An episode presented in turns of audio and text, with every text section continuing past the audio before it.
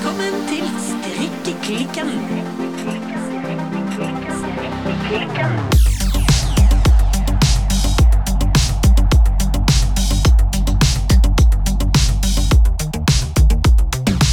Hei, Birte. Hallo, Silje. Birte, Ja. hva strikker du i dag? Du, jeg er med på en sånn kjempegøy sånn knit-along. Gi deg! ja, som heter Strikkeklikkalong. Strikkeklikkalong? Ja, og der har jeg sett det vært mye bøs på Instagram eh, siste veka. Det koker, det koker i korridorene. Det koker. Jeg strikker på denne her eh, No Limit Sweater, yep. som er jo da ei oppskrift som står i den Lerkebaggers Lerke Baggers i bok eh, Strikk. ja, eller som den egentlig heter, stryg. Stryk. For den er ja. jo bare med én K. Ja. Og jeg må bare si, det er så sinnssykt gøy å strikke restestrikk. Ja, det er det. Jeg er helt hekta. det er, så du skal aldri mer gå i eh, garnbutikken, du. Du skal bare finne små stubber av garn rundt og hist og pist og se hva det kan bli. Ja, altså, det- det er bare så utrolig kjekt. Jeg har jo laga nøste på forhånd. Ja. Så jeg har jo da en sånn, altså basegarn, en følgetråd med vanlig garn. Og så har jeg den her eh, restegarnnøstet som jeg har laga sjøl, av forskjellige hist og pist-stubber her og der. Ja. Men det er bare Ja, det er bare så utrolig gøy, for du, du veit liksom ikke helt hvordan det blir. Nei. Så du strikker liksom én omgang, og så plutselig kommer det garnet, og så forandrer uttrykket seg. Så du må liksom bare strikke og strikke for å se hvor det blir, for hver omgang er liksom et nytt eventyr, på en måte. Ja. Så jeg, jeg er skikkelig, skikkelig hekta, og jeg har allerede først begynt å tenke på mitt neste resteprosjekt. Nå ser jeg at eh, mitt, altså mitt reste, resteprosjekt nå er ganske sånn delikat og dusig i fargene, men det er også litt sånn Litt sånn hubba bubba, tutti frutti, pastellaktig. Ja, du har litt sånn pastell-orama eh, på ditt prosjekt. Ja, der er litt sånn innimellom. Så jeg har allerede begynt å tenke på at eh, neste prosjekt så skal jeg faktisk være enda litt mer nedpå i fargene. For jeg ser jeg har ganske mye liksom litt sånn beige og pudder og off-white. Og jeg trodde at din, dette prosjektet skulle bli det, men i praksis har det blitt mer farger enn jeg ja, ikke kanskje hadde tenkt. Det blir, det blir kjempefint, altså. Ja. Men um, jeg skal prøve å liksom manøvrere litt annerledes i restegarnet mitt. Så jeg er litt sånn ja, allerede litt der. Men jeg kan si, jeg strikker på store pinner, det er pinne ni. Oi, ja, det er veldig store pinner. Så det går eh, veldig fort. Jeg er først ferdig med bolet nå. Horre heite! Horre! Så jeg ser ut til å klokke meg inn på et slags sånn fire ukers prosjekt, tror jeg. Vi snakker jo litt om lengda på denne her nittalongen. Ja, og hvor langt eh, sier vi at vi er kommet nå? Nei, så jeg er kommet, eh, jeg kommet til bol, altså ferdig med bolen. Ja, men jeg mente i, i eh, prosjektet med Hvor lenge har vi, har vi vart i én uke, eller har vi vart Nei, i to uker? Vi er vel i, i to uker og entrer nå uke tre. Oi, oi, oi! Jeg må, jeg jeg må få tida. vart nå, Ja, du må, du må gasse på! jeg ligger bakpå. Men um, jeg strikker ovenfra og opp, og det syns jeg er veldig rart. Så nå er jeg litt sånn, nå skal jeg begynne på um, armene. Ja. Ermene. Ermene, ja. Og da er jeg litt sånn, hvordan gjør jeg det når jeg strikker nedenfra og opp? For nå, nå har jeg faktisk tatt eh, to dagers ufrivillig pause. Ok. Så Silje, jeg spør deg, min eh, strikkeguro, hva skal jeg Guro, faktisk. Jeg kan være din guro, jeg. Det går fint, det. Ja. Hva skal jeg gjøre når jeg skal begynne på ermene nede? Altså, ermene skal også strikkes nedenifra og opp. Ja. Da skal du vel legge opp, da, og strikke rundt? Ja, for jeg prøvde Først tenkte jeg du kan jo strikke magic loop, og så prøvde jeg det sånn Ja, det ble faktisk litt for komplisert. Husk at jeg er veldig dårlig å strikke når alt kommer til alt. Glem ikke det. um, og så prøvde jeg, og så la jeg opp på strømpepinner, men det fikk jeg heller ikke til. Så nå er jeg litt sånn eh, what to do? Ja, ok, sånn, ja. Nei, altså, det jeg tror jeg ville gjort Mm. Det er nok at jeg ville lagt det opp på strømpepinner, men jeg ville ikke lagt det opp på fire strømpepinner først. Jeg ville lagt det opp på to. Ja. Og så, når jeg da begynte å strikke, så ville jeg fordelt det på fire. Ja. Og da er det jo egentlig bare at når du da har strikket det, sant, da henger de på en måte fire strømpepinner på, på rad og Ja. rekke Ja. Nedover. Og da må du bare lukke de og begynne å strikke rundt, sånn at Ja. det blir en sirkel. Og da må du være litt grann våken helt i begynnelsen, på samme måte som du må når du skal begynne med å strikke bolen nede, eller hva du enn skal strikke som skal strikkes rundt, Ja. at du ikke vrir den. Ja. For da kan det jo bli en sånn eh, Jeg tror det heter en sånn Møbius eh, Møbius-sak. Det blir i hvert fall ikke sånn det skal være. Det blir ikke sånn det skal være. Det blir en Nei. sånn eh, Åse Texmoen ryggeskulptur, eh, som er en sånn vridd sak. Ja. Nei, men du, dette der må jeg faktisk eh, finne litt ut av. Jeg måtte også google litt, eller finne en tutorial på hvordan jeg skulle felle av til eh, armene. Så ja, altså her eh, Birte strikka ting som hun aldri har strikka før, rett og slett. Ja, men fant du deg en tutorial? Fant du, kan vi begynne å kalle det for tutorial, forresten? Tutoriale. Fant du en tutoriale? Ja, jeg gjorde det, og det fant jeg ut av. Men det har jeg tenkt på mitt neste resteprosjekt, for at det som jeg ser nå, denne genseren er jo ikke så ulik Louisiana-genseren av Petit Knit. Nei. Den har jeg strikka ganske mange ganger før. Det er jo en av de enkleste genserne jeg strikker. Ja. Den er også på pinne ni, Mhm.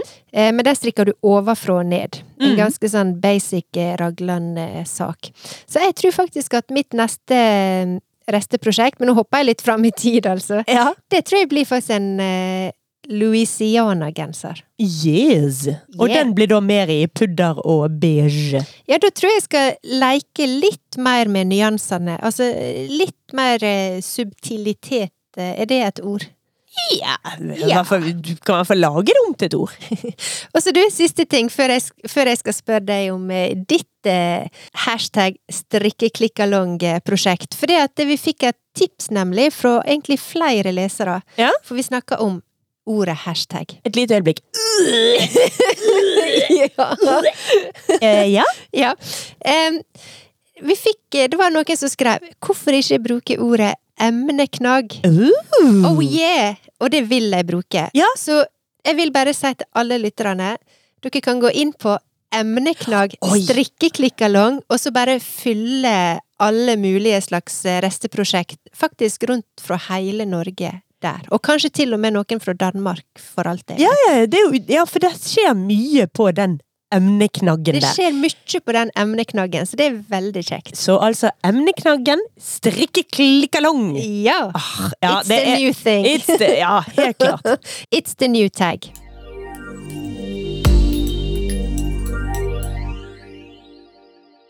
Men Silje, Jo. Fortell om eh, ditt emneknagg strikkeklikkalong-prosjekt. Ja. Nei, altså i motsetning til deg, så strikker jo jeg oppenifra og ned. Yes. Og jeg strikker en litt sånn halvegenkomponert sak, med høy hals og raglanøkninger. Ja. Og eh, jeg strikker også med to tråder. En slags basetråd og en slags restegantråd, restegarntråd. Selv om også basetråden min bytter og er restegarn, altså. Ja. Men den, din basetråd er jo hvit, og min basetråd er brun. Litt sånn Ja. gråbrun, kan Ja. man nesten kalle den. Jeg har ikke så forferdelig mye å fortelle. Jeg er snart ferdig med raglanøkningene, og da er jeg jo på vrom, vrom motorvei. Yes. Jeg strikker jo på pinne fire, så Ja. det går jo saktere med meg enn med deg. Ja, men jeg tror det var bra, smart valg, for da kan vi kanskje være litt sånn samtidige, på en måte. Din pinne ni er min pinne fire. Yes. Det liker jeg. Ja. Men eh, er det eneste jeg kan si som var litt teit, for jeg laget også ferdig disse restegarns, den følgetrådnøstet på forhånd. Og der har jeg nok rett og slett litt for lange garnstubber. ja, det merker jeg også at eh, Ja. Men det kan jo være fordi at jeg foreløpig har strikket, jeg har strikket en høy eh, Altså en lang hals, en høyhalset. Ja. Og der er jo selvfølgelig mye smalere enn det kommer til å være nede på polen. Og så har Ja. jeg da stri- strikket eh, raglanøkninger utover nå. Så jeg har hele tiden måttet gå inn med å bryte garn og legge inn mye kortere stubber også. Ja, for dette er sånn erfaring som en gjør seg når en begynner å strikke. For at mitt eh, strikketøy ble også litt sånn stripete i begynnelsen, for det var ganske lange tjunker, Ja, merka jeg, jeg, jeg tror faktisk at litt mer ordentlige folk enn meg og deg hadde egentlig sluppet å gjøre denne eh, oppdagelsen sjøl, for jeg tror faktisk Lerkebarger kommer med noen tips om hvor lange de garnstubbene burde være. Ja. Så hvis vi hadde bare vært litt mer våkne og sånt, så kunne vi ha fulgt eh, det tipset der. Men eh, det gjorde vi ikke, men nå kommer vi med tipset og tar det som vårt eget. Ja, men du kan jo skøyte litt på underveis. Ja, og det er, jo ja, det, ja. det er jo det jeg har gjort, i hvert fall. Ja, og altså, jeg sitter jo med to sånne restegarn jeg har eh, surret opp, så jeg Ja. veksler mellom de også. Ja. Så da slipper jeg jo liksom å bare skjøte, for det kan synes jeg kan bli litt kjedelig. ja. Men å skjøte litt mellom de to, det funker som kule, det, altså.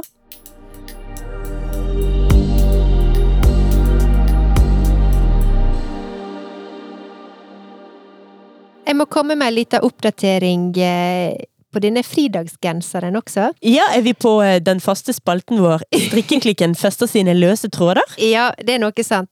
Jeg ville bare egentlig rapportere om at eh, den fridags-ufoen min, Ja. pluss garn, den er kommet, det er kommet trygt fram til Ulsteinvik. Så as we speak, så sitter da min kjære mor og, og strikker ferdig denne her eh, fridagsgenseren, eh, som da kommer i retur til eh, Bergen på et eller annet tidspunkt. Så eh, jeg skal rapportere videre når, eh, når jeg har mer nytt. Eh, Fridagsgenser-nytt. Jeg liker dette her, eh, disse litt lange e-postene hvor vi får følge prosessen fra planlegging til, til litt frustrasjon, til kollaps, til send skiten til mor! Og også litt sånn herre shout-out til Posten Norge! Nei da, den, den er kommet fram, og jeg fikk en snap, og hun var i gang, og jo da, så dette blir veldig spennende. Det er bra.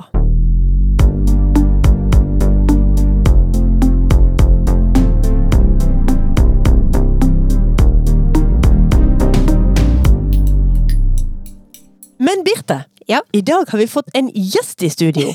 Ja. Vi har fått motespesialisten Birte på plass.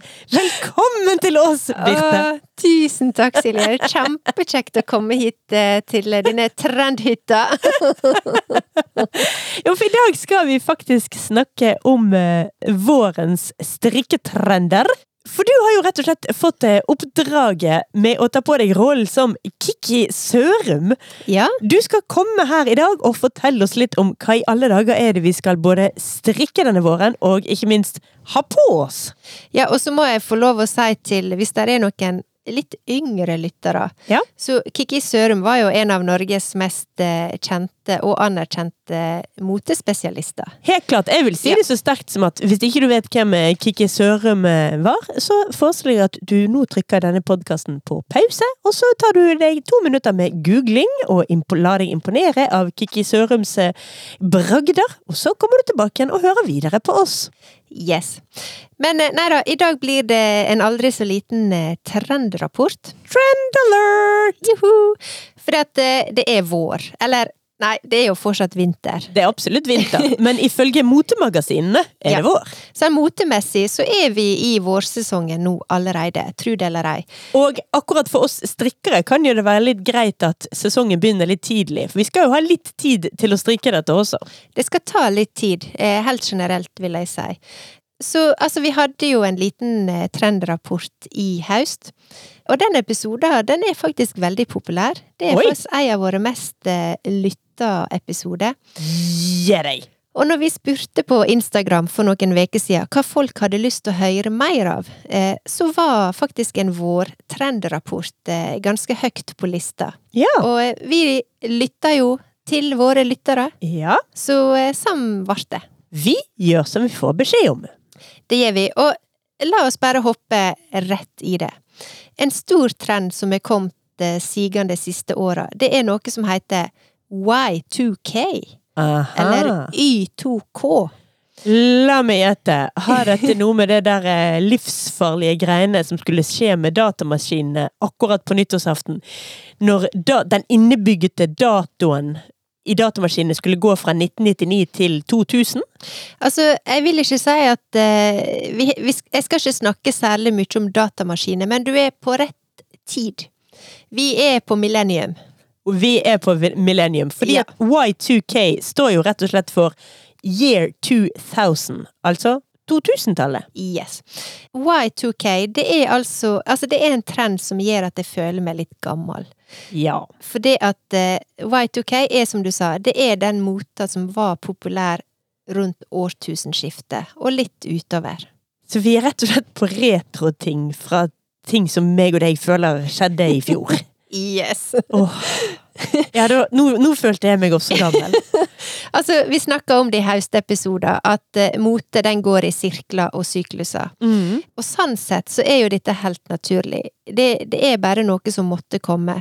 Men det som gjør at jeg føler meg litt uh, gammel nå, det er fordi at, eh, ja, når 70-tallet hadde sin revival på 90-tallet, så var det noe nytt og spennende for meg. Ja. Jeg hadde aldri gått med slengbukse, aldri hatt lange skjorter på snipper, eller litt sånn psykedeliske fargerike Eller eventuelt mønster. lange snipper på skjorten, ikke lange skjorter på snippen. Ja, noe sånt, Ja. for eksempel. Ja. Og sånn, det var veldig spennende med litt sånn chunky plattformboots og Ja, og så når 80-tallet kom seg hør og bør, eh, rundt millennium og utover på 2000-tallet, så var også dette et veldig sånn stilig tilbakeblikk til collegegensere, puffarmer, skulderpute, smale bukser. Ja, altså, nå, til og med når 90-tallet kom tilbake, en gang rundt 2010-ish, litt før det, så var dette en nostalgitripp eh, tilbake til ungdomstida som jeg kunne omfavne med kjærlighet. Og litt sånn nostalgi og litt sånn Ja, litt sånn I was there-aktig eh, opplegg.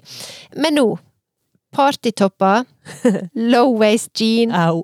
hot pink, Oh. glitrende logoer i sånne her Swarovski-krystaller, Oh. juicy couture, Oh, von Dutch Er vi på juicy couture igjen? Skal det inn igjen i verden? Altså, i ettertid så er jo dette her omtalt som verdens styggeste motekapittel. Ja. Men strengt tatt, jeg husker jo på 80-tallet hvor vi alle fnyste av 70-tallet, og jeg husker på 90-tallet hvor vi alle fnyste av 80-tallet. Men nå er vi altså der, og jeg merker at jeg er liksom ikke klar.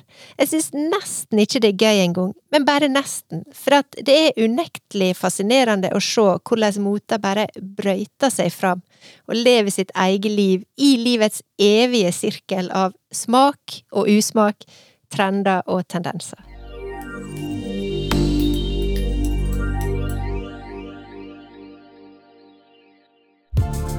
Hei! Nå hører du på Strikkeklikken, en usannsynlig podkast om strikking.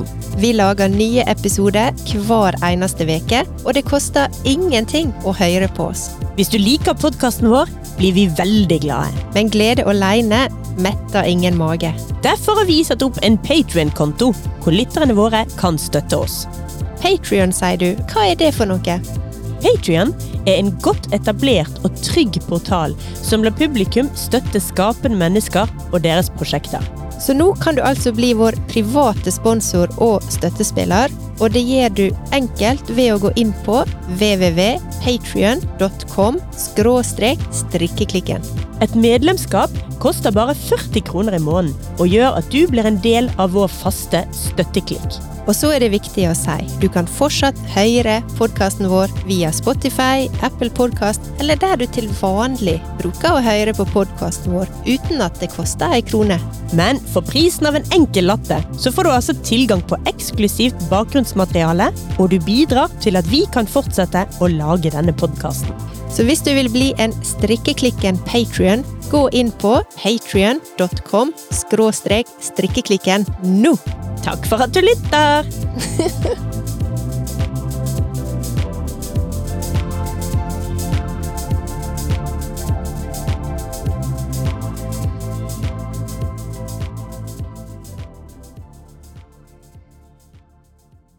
Så altså, Kiki Birte. Ja. Vi skal tilbake til år 2000-motet nå. Vi skal det, altså. De sier jo noe at hvis du har opplevd, eller på en måte overlevd en stil, så er du rett og slett for gammel til å ta den opp igjen. Og jeg kan levende tenke meg at det var nok mange i generasjonen over oss som ja, rista på hodet når 80-tallet var stort igjen, en eller annen gang på 2000-tallet. Ja. Og denne her Y2K-stilen, den er jo spesielt populær blant det som vi kan kalle generasjon Z. Altså de som er født fra midten av 1990-tallet og fram til begynnelsen av 2010-tallet. Mm. Men nå er rollene altså bytta om, og nå er jeg litt der sjøl at jeg rister på hodet. Hva med deg, Silje? Ja, altså I utgangspunktet så tenkte jeg ja, det er jo sikkert helt naturlig, men så når du begynte med juicy couture Jeg kan ikke uttale det engang. Couture? Couture? Jeg vet ikke. Ja. Da fikk jeg sånn skrekkbilder av hodet med dette her juicy, skrevet med Swarovski-krystaller over rumpa. Ja. Og ja, sånn hengedingeldangel i navlen. ja. Åh. Altså, da, da bare kjente jeg at Altså, jeg likte det ikke da. Jeg tviler sterkt på at jeg kommer til å begynne å like det nå. At det plutselig liksom ved et trylleslag skal jeg like juicy stående på rumpa. Altså, hvis jeg skal prøve å forstå det som skjer, så er altså dette her eh, helt naturlig. Eh, naturen går sin gang, og alt er som normalt. Ja, men det er jordskjelv også. Ja da, men jeg tror faktisk at dette handler om en aldri så liten motreaksjon. Ok? Eh, et annet fenomen som alltid er brennaktuelt når vi snakker om eh, mote, og vi snakker også om, om dette fenomenet i denne høstepisoden vår om eh, trender. For for å forklare denne her Y2K-mota som en motreaksjon, så må vi rykke litt tilbake til start. Mm. Y2K, det er jo millenniumsmota, som igjen var en motreaksjon på 90-tallets minimalistiske, nedtona, reinskåre og litt sånn bleike stil. Y2K er jo den rake motsetninga. Det handler om å make a statement, være synlig, rope høyest, ha mest bling, knæsje farger, tubetopp, hair extensions, solariumsbrun hud, fake it till you make it, more is more, og alt dette her i veldig sterk kontrast til 90-tallets less is more-tendens, som var veldig stor da. Ja, og her er det jo ting jeg kan eh, heie på og synes er mye mer interessant enn akkurat eh, magetopper og juicy couture. Men dette her med liksom statement og ja, litt mer vågale ting, ikke så fryktelig alt skal passe i hop, og alt skal matche, og alt skal være riktig. Ja. Det kan jeg like. Og Y2K det er jo også nært knytta til dåtidas eh, popmusikk. Altså Destiny's Child, Christina Aguilera, Britney Spears og kjendiser som Paris Hilton, for eksempel. Mm. For meg er dette også det jeg gjerne kan like å kalle litt sånn LA-style. Det er litt sånn overfladisk, blingete, og generelt en ganske sånn lite klassisk og lite classy stil. Mm. Men når den nå altså er tilbake, så tenker jeg altså at det er en motreaksjon også på den ganske sånn saklige og klassiske stilen som vi har sett de siste ti åra, og ikke minst en motreaksjon på den bevisste og litt sånn fornuftige forbrukeren som skal ha shoppestopp, som helst skal kjøpe second hand og vintage og i tidløse kvaliteter som ull og kasjmir, og du skal liksom kunne ha det lenge, for sånn har det vært nå fra 2010 og utover, Mm. eh, fram til 2020. Så 2YK, eller Y2K, er altså den rake motsetninga. Den handler om overflod på alle mulige nivå, ikke bare estetisk, men den vokser også fram som en del av denne her fast fashion-æraen, som for alvor tok av rundt 2000-tallet. Altså, det var da når kjedebutikkene vokste fram, og klær ble så billig at du kunne kjøpe deg en ny partytopp hver helg. Men ville det ikke være mulig nå å håpe å si slå disse to sammen, da, og si at ja, du går for estetikken fra 2000-tallet, men faktisk kjøper den second hand nå? Jo, det kan du si, og altså, jeg vil bare fortsette litt at Y2K, den er jo sånn sett veldig sånn optimistisk og gøy. Vi hadde nettopp bikka inn i et nytt årtusen, vi så Mhm. framover. Litt sånn Vi var jo ganske sånn positive og oppesen da. Ja. Det var ikke så seriøst og alvorlig. Og kanskje det beste med den, sett i lys av tida vi lever i, så bugner jo secondhand-butikkene over av klær fra denne epoka. Det vil si, de plagga som faktisk har overlevd de Ja. siste 20 åra, som ikke gikk i søpla etter engangsbruk, eller ble ødelagt eh, av all eh, Missy Elliot-twerkinga ute på byen. Ja, nettopp. For dette var ikke nødvendigvis en mote som fokuserte på holdbarhet. Nei, nesten alt annet, vil jeg egentlig si. Ja. Ja, jeg ser for meg Kanskje et av de mer outrerte plaggene jeg sjøl hadde fra den tiden, var Ja. et nydelig en drakt som jeg hadde kjøpt på Twisted. Ja. I um, mørk sjokkrosa uh, Sky Ja. eh, Både skjørtet og jakken Ja. var i Sky. Med noe sånn, det var noen, klaffer på skuldrene, husker jeg. Ja. Eh, det var veldig flott. Eneste ulempen var veldig kjekt å gå på byen med alt mulig. Veldig tett til intetsittende. Sky lukter så hinsides forferdelig når du svetter i det. Ja. Og står du en hel kveld og danser i det, så har ikke du noe annet valg enn å bli svett, altså. Det, det er ikke som- pustemateriale. Det er ikke pustemateriale, og ikke tåler det vask. Så eh, Ja, det var ikke akkurat eh, en, eh, en holdbar, god idé. Nei. nei.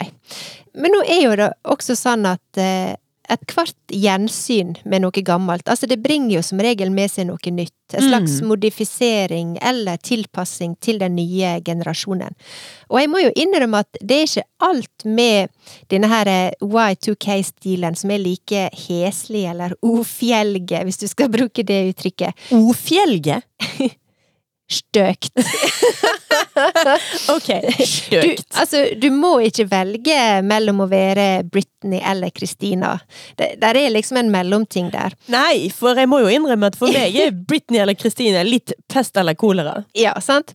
Altså, vide, avslappa jeans eller bootcut jeans eh, syns jeg personlig er ganske forfriskende etter ganske så mange år med skinny jeans. Mm. Men du vil ikke se meg med vide jeans eh, teama opp med en eh, kort og stram magetopp i babyrosa. Ikke? Altså, det overlater jeg til eh, ungdommen. Jeg har også alltid likt eh, det som du kan kalle Canadian tuxedo. Eh, det er noe vi kan kalle Canadian tuxedo? Ja, altså på godt norsk kan vi kalle det denim på denim. Altså når du for eksempel dungeriskjorte og dungeribukse, litt sånn ton i ton. Ah, vi er på Denim Devils. Ja, og det er jo en slags sånn tidløs eh, Y2K-klassiker som lett kan oppdateres til 2022. Miniskjørtet, eller til og med mikroskjørtet, det gjør comeback. Men det var faktisk et plagg jeg elsket eh, på, på 2000-tallet. Ja. Vet ikke om jeg går for det nå, men her er i hvert fall noe jeg unner ungdommen å gå med. Ja, og så er det veldig mye skinn, og kanskje noe til og med sky, for det skal jo være litt det skal være litt fake også. Ja, Da vil jeg med en gang bare tipse folk om ikke ha Sky rett inn på huden. Ja. Kjøp deg kun Sky-klær du har et, eh, minst ett lag eh, Bomull. bomull, et eller Ja. annet. Men altså, skinn eh, av typen liksom bakerjakke og gjerne i litt sånn knæsje farger som rett og hvitt, knallblått og turkis. Det er ganske happening, eh, men også mer eller mindre klassisk svart i alle varianter. Ja. Svart skinn, vel å merke.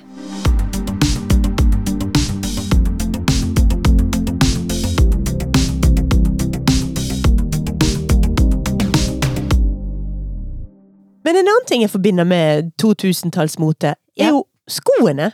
Ja. Hva var det vi hadde på beina? Jeg føler Bommer jeg hvis jeg sier at det var da vi hadde på oss Buffalos? Nei, da er du rett på, og vi ser jo en veldig sterk eh, Det har jo vært en ekstremt sterk sånn boots-trend på beina. Og for noen år siden, altså nå begynner det å bli faktisk noen eh, år siden, men eh, Buffalo hadde jo et slags sånn comeback Men det er kanskje litt sånn fem-seks år siden liksom akkurat det merket var stort. Men hvis du ser på skomota siste sesongene, så er jo det litt sånn tjukke, chunky, plattformaktige skinnboots. Ja, nei, altså det passer jo meg og min høyde veldig godt. Og jeg har, har Jeg drar alle fordeler av å få et par ekstra centimeter. Men jeg vil jo tro at for en del høye folk så er ikke dette verdens mest eh, praktiske mote.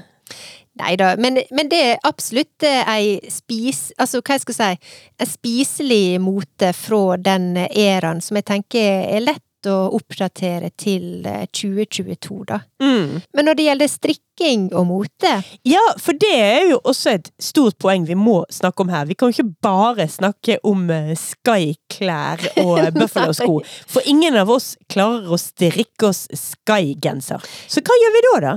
Nei, så jeg er ganske sikker på at uh, motebildet også vil være prega av at det er veldig populært å strikke for tida. Mhm. For at uh, mota er faktisk ikke noe som bare blir bestemt av en eller annen motegud fra en fjern plass. Altså, mote kommer og oppstår som et resultat av det samfunnet vi lever i. Ja, jeg føler litt at uh, Anna Wintour er litt uenig her. Jeg føler at hun eh, sender litt sånn vibber om at jeg er motegud og jeg bestemmer alt. Men uh, for the sake of argument så skal jeg gi deg eh, rett. Jo, men altså, alle disse tendensene, det må det må komme fra en eller annen plass. Eh, og når det er mange som strikker, og som poster på Instagram, Mm. mange som går med strikkeplagg, sitter på kafé og strikker, når det er, noe er veldig synlig i samfunnet generelt, så vil jo dette selvfølgelig påvirke motebildet. Mm. Og jeg tror vi vil se mye mer mønsterstrikk. Okay. For eksempel et motemerke som eh, Totem, som eh, er et svensk merke av Elin Kling. Totem? Totem, ja. Som i totem? Totem, ja. Totempæl, liksom? Ja. Hun har for eksempel eh, litt sånn norsk tradisjonelt mønsterstrikk som en av sine mest populære gensermodeller. Og jeg tror også at strikkemota vil være påvirka av at det er mange som har lært seg å strikke de siste åra. Ja. Vi blir bedre å strikke, vi lærer flere teknikker, at vi vil se mer mønsterstrikk, mer struktur, mer avanserte teknikker. Og dette har jo vi snakka om eh, Mm. mange ganger tidligere. Men jeg tror også at populariteten og jeg vil påstå denne litt nyvunne statusen til strikkinga, den gjør at vi vil se flere ulike typer strikka plagg. Mhm. Der er liksom et større mangfold, et større aksept for at du kan gå med forskjellige typer plagg som også kan være heimestrikka. Jeg satt litt her og tenkte på, ok, vi er på Y2K-mote, altså Mhm. 2000-tallsmote, og strikking. Og så satt jeg og prøvde å komme på hva slags strikking man gikk med på 2000-tallet. Men jeg kom ikke på noe. Altså, for min del så jeg har alltid gått med litt sånn basic strikkegensere. Ensfarga, glattstrikk, høyhalsa, you name it. Men jeg tror at eh, Jeg tror vi vil se for eksempel nå, i, i lys av denne her eh, strikkefema som vi har sett nå siste åra, da. Mm. Strikkebukser, skjørt, kjoler, cape eller kimonoer. Altså, det er jo bare fantasien eller kanskje senebetennelsen som vil sette grenser. Men jeg er faktisk ganske sikker på at vi vil se Y2K-inspirerte strikkeminikjørt Ja. og strikka småvesker. Ja. Kanskje vil vi la oss inspirere av eh, Y2K-fargespekteret, med litt mer sterke og kanskje mer sånn knæsjefarger. Ja. Og så er jeg faktisk, tro det eller ei, 100% sikker på at vi vil se magekorte topper, gensere, tubetopper og halternecks i heimestrikka varianter. Altså, partytoppen is back. Enten vi liker det eller ei. Men nå, Kiki Birte, Ja. må vi få litt hjelp her. For nå, nå, nå Ja. bruker du mange ord som jeg blir litt sånn hm, ja, men, men jeg er ikke helt sikker på hva de betyr. Nei. Hva er egentlig en halterneck, for eksempel? En halterneck, det er en topp som du knyter bak nakken. Å ja, en sånn, ja. Det er Ja. liksom, den henger Litt sånn, husker du? Ja, Ja. jeg husker den. Det tror jeg vi vil se. Og selvfølgelig singlet også. Vi har jo sett det litt, men jeg tror at disse plaggene vil dominere litt mer. Og jeg tror faktisk at vi vil se mye heimestrikka varianter av disse litt sånn klassiske Y2K-fasongene. Jeg tror tubetopp, jeg tror korte, altså mage Korte magetopper.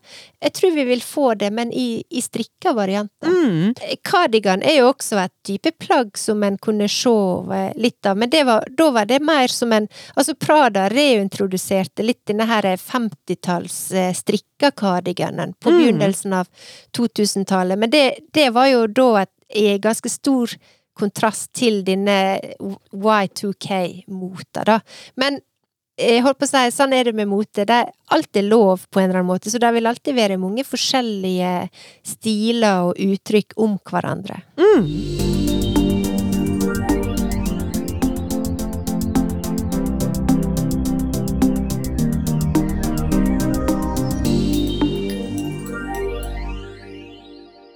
Men du snakker om eh, knæsje farger, 2000-tallsfarger. Ja. Er det noen spesielle retning Altså, jeg forbinder for eksempel 80-tallet forbinder jeg med pastellfarger. Ja. Skal vi til pastell, eller skal vi til mørkere farger, eller hvor, hvor, hvor skal vi? Det er litt sånn vanskelig å, å gi noe sånn klart svar på det. Litt sånn under paraplyen alt er lov-aktig greie. Finn, finn din ting, og så bare gjør det. Ja. Men jeg ser jo for meg at kanskje Altså litt sånn type sånn Kanskje chartreuse er faktisk en litt sånn Y2K-farge. Turkis er det i alle fall. Og jeg blir veldig glad hvis det viser seg at jeg bare svima rundt og vært eh, trendnisse uten å ane om Du er overvintra! overvintra. Jeg tar det ikke syklisk. Du husker på husker, altså, Rundt denne tida her, litt sånn rundt millennium 2000-tallet, så husker jeg at du, da kunne jo du se noen som fortsatt gikk med hockeysveis, som hadde overvintra fra 80-tallet. Ja ja, som bare De, de tok seg ikke en pause med det. Ja, nei, det, hadde det ongoing. Så jeg tror, ja, litt, litt sånn knæsjefarger, men eh, selvfølgelig, her vil det være et stort eh, fargespekter, og når vi snakker om Y2K, så er jo dette bare ei av mange retninger som gjelder for våren, men jeg syns dette var en litt sånn gøy ting å komme inn på. Fargemessig så var jo det også litt sånn babyrosa, babyblå, det var også litt pasteller oppi all, alle disse her knæsjefargene også.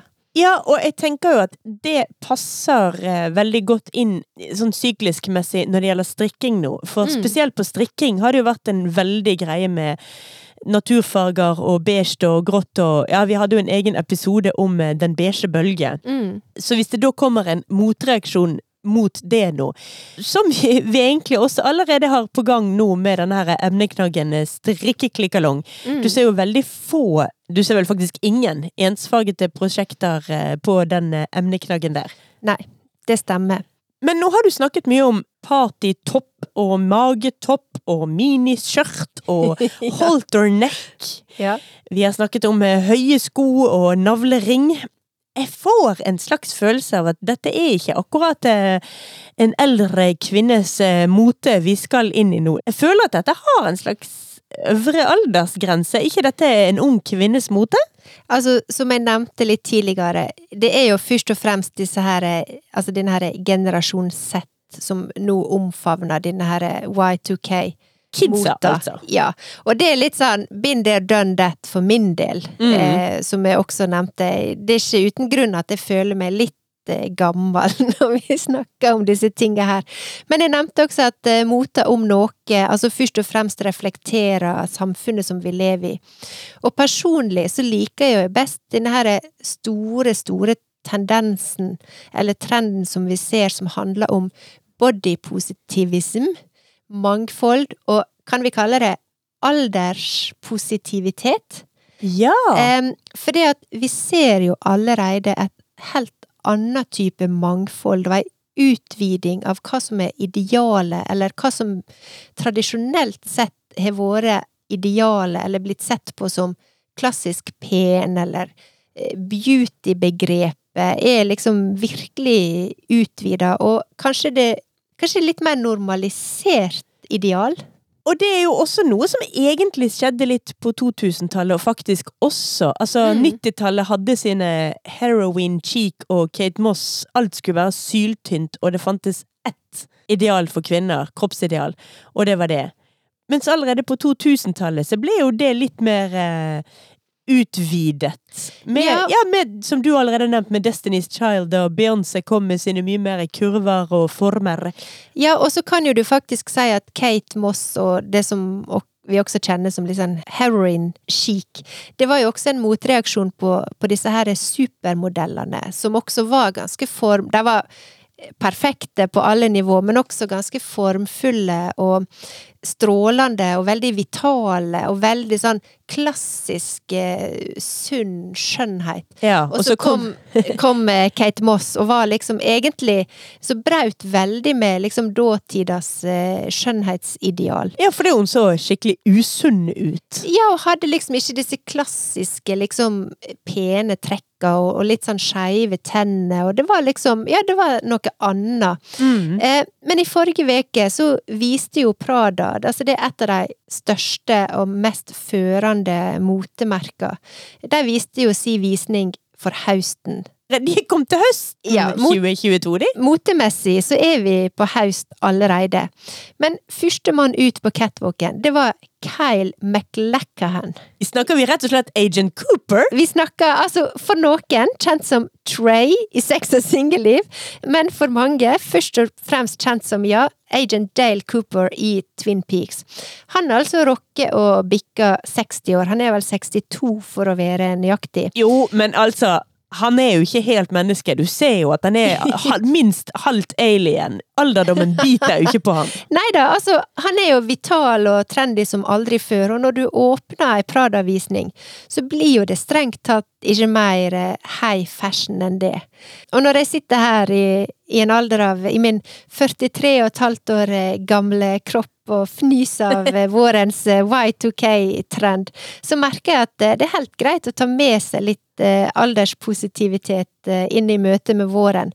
Og så tenker jeg at jeg tror jeg er faktisk ganske fashionable after all i vår også, med mine ti år gamle oversized kasjmirgensere, grå, svarte jeans, New Balance-joggesko og hvite skjorter. For at når alt kommer til alt, så er jo Y2K tross alt bare en bitte liten mikrodel av vårens motebilde.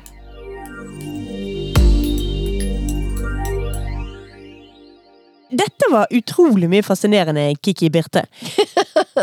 Jeg må jo si at akkurat for min del og min smak, så det som jeg liksom Oi, det var gøy! Det var egentlig spesielt to ting. Det ene er jo det at du snakker om farger, og at farg, sterke farger skal få lov til å skinne litt mer. Ja. Og det gleder jo meg mye. Nå snakker jeg jo da i strikkesammenheng, selvfølgelig. Ja. Men så nevnte du også noe med at uh, det, det var et magisk lite ord du nevnte inni der, som er liksom Aha! Ja. Og det var kimono! Ja. Da ble jeg jo også ivrig. Du Ja. vet jo hvor usedvanlig glad jeg er i å gå rundt i kimono. Både til morgen, middag og kvelds. Det er jo favorittplagget mitt. Ja. Så hvis jeg kunne funnet meg en fin eh, strikket kimono i litt uh, sterke farger, det hadde Ja. vært et utrolig kjekt prosjekt å strikke seg. Det hadde vært veldig fint. Og som jeg sa, jeg tror generelt vil vi se en litt sånn større aksept for ulike typer strikka plagg. Ja. Jeg føler liksom Vi har jo flirt litt av det sjøl her i, i podkasten også, at liksom ha-ha strikka bukse, ha-ha strikka truse, eller ha-ha strikka bh, men jeg føler liksom at nå er liksom strikkinga eh, kommet så tungt inn, og jeg Mhm. tror at eh, Jeg mener å se en liksom mye større aksept for ulike typer plagg som kan være strikka, og til og med sånn Ja, så Jeg veit jo du har jo strikka pute lenge, men jeg føler liksom at Mm. nå er det helt sånn kosher å ha liksom ei heimestrikka pute i, i designsofaen din, eller whatnot. Altså, det er en helt annen aksept. Har det vært uakseptert? Nei, men det er jo det krasjet, liksom, mellom Ja. mellom altså det her heimestrikka og litt, litt kanskje imaget, eller liksom statusen det har hatt, versus det som er liksom fancy og flott og design som du kan kjøpe i butikken. Jeg veit ikke. Jeg føler liksom at det, det begynner å det begynner å jamne seg ut, da. Mm. Litt sånn som at før på Altså på midten av Litt sånn rundt 2005-ish, så begynte liksom alle disse her motebloggerne å poppe opp, og eh, motebloggere som sto og hang utafor motevisningene. Mm. Og så plutselig så snudde det litt, at plutselig var det det som skjedde utafor catwalken som gjaldt, versus yeah. at det som skjedde inne på catwalken plutselig ikke var så interessant lenger. For det var jo bare et liksom ferdig kjøpt produkt på en eller annen måte. Ja. Mens den her eh, motebloggeren sin liksom spede start, når det var liksom ekte, og ikke oversponsa det også, eller kjøpt og betalt på en måte, så var jo det med en gang Det utfordra jo veldig det som skjedde inne. Eh, Så jeg føler litt det samme nå med strikkinga, at det begynner liksom å Det er liksom mer lov, mer akseptert og mer interessant med for eksempel å komme med en heimestrikka genser versus å bare gå og kjøpe en i butikken. Mm.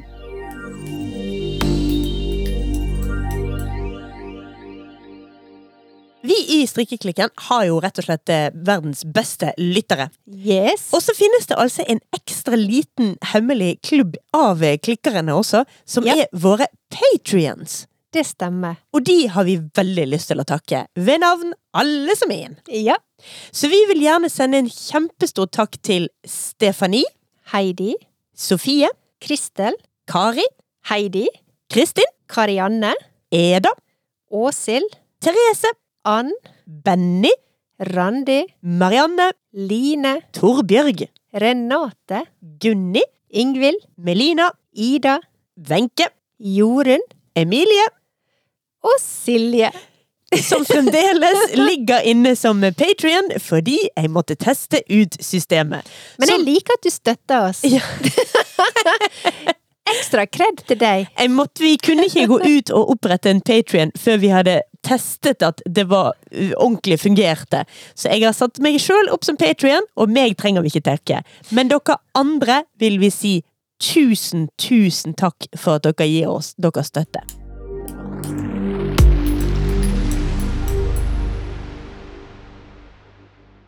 Men altså, Birte. Ja. Da har jo ikke vi noe annet valg enn at eh, vi faktisk er nødt til å slutte av nå. Fordi at eh, nå har jeg faktisk, mens du snakket her, så har jeg sendt tekstmelding til at jeg har booket oss en uh, dobbel, en dobbel piercing-time. Vi skal gå og få piercet navlene våre. Så vi kan eh, vise fram med våre snasende magaluffer under, under de kropptoppene vi skal strikke oss nå. Å, denne våren blir bra, ass.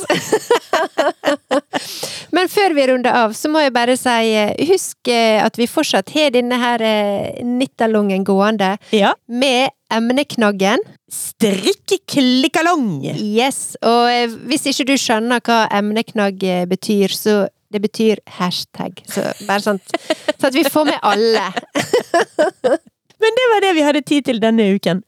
Yes. Dette var pokker så hyggelig, Birte. Tusen, tusen takk for, din, for at du delte av din visdom om vårens trender. Du, det var utrolig kjekt eh, å sitte og forberede og skrive og drømme meg litt tilbake igjen til eh, Y2K, iallfall på papiret. Det glade 2000-tall. Og så får vi se eh, om det vil manifestere seg på, på andre måter utover våren. Det blir i hvert fall spennende å se. Det gjør det. Da høres vi igjen om en uke. Ha det på badet! Ha det bra!